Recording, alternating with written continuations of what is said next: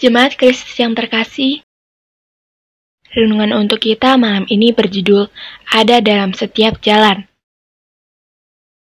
Dan bacaan kita diambil dari kitab 1 Raja-Raja 19 ayat 4 sampai 8. Beginilah firman Tuhan.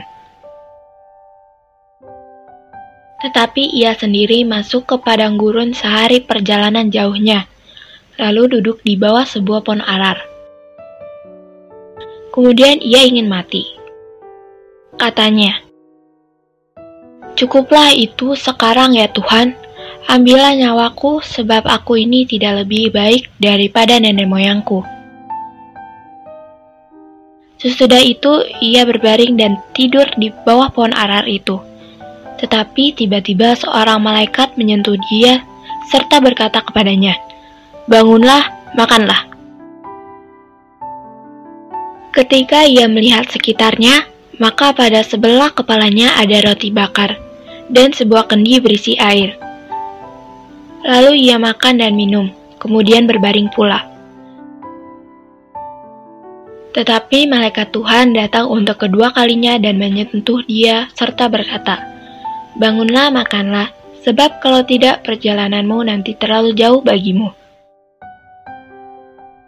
Maka bangunlah ia, lalu makan dan minum. Dan oleh kekuatan makanan itu, ia berjalan 40 hari 40 malam lamanya sampai ke gunung Allah, yaitu Gunung Horeb. Kisah ini merupakan kelanjutan setelah Nabi Elia membunuh ratusan Nabi Baal. Nabi Elia melarikan diri karena Isabel tidak terima dengan apa yang sudah dilakukan Nabi Elia dan ingin membunuhnya. Karena hal inilah Elia merasa tidak ada lagi jalan keluar bagi dirinya selamat.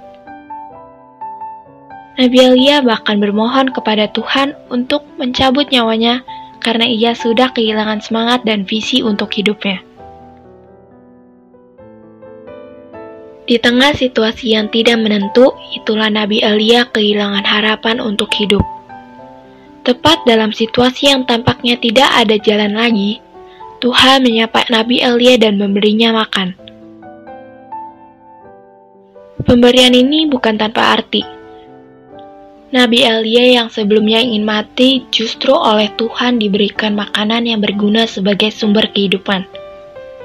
Itu berarti Tuhan tidak akan mengambil nyawa Nabi Elia, atau dengan kata lain masih ada hal yang harus dikerjakan oleh Nabi Elia. Dari peristiwa ini, kita dapat belajar bahwa bukan kita yang menentukan kapan kita selesai dengan segala tanggung jawab kita di dunia ini. Semua bukan bergantung dengan situasi yang kita hadapi, apakah mudah atau sulit. Itu semua ada dalam kendali Tuhan, dan yang pasti bahwa dalam segala hal yang kita kerjakan, Tuhan ada. Kasih Tuhan bukanlah membawa kita kepada binasa ataupun kematian kekal Kasih Tuhan akan membawa kita kepada kehidupan, mau seperti apa pun jalan yang sedang kita hadapi. Jangan menyerah, andalkan pertolongan Tuhan, Ia yang sepenuhnya tahu apa yang sedang kita hadapi. Demikianlah renungan malam ini, semoga damai sejahtera dari Tuhan Yesus Kristus tetap memenuhi hati dan pikiran kita. Amin. Jemaat yang terkasih, marilah kita bersatu hati menaikkan pokok-pokok doa yang ada dalam gerakan doa 21 GKI Saroinda. Marilah berdoa.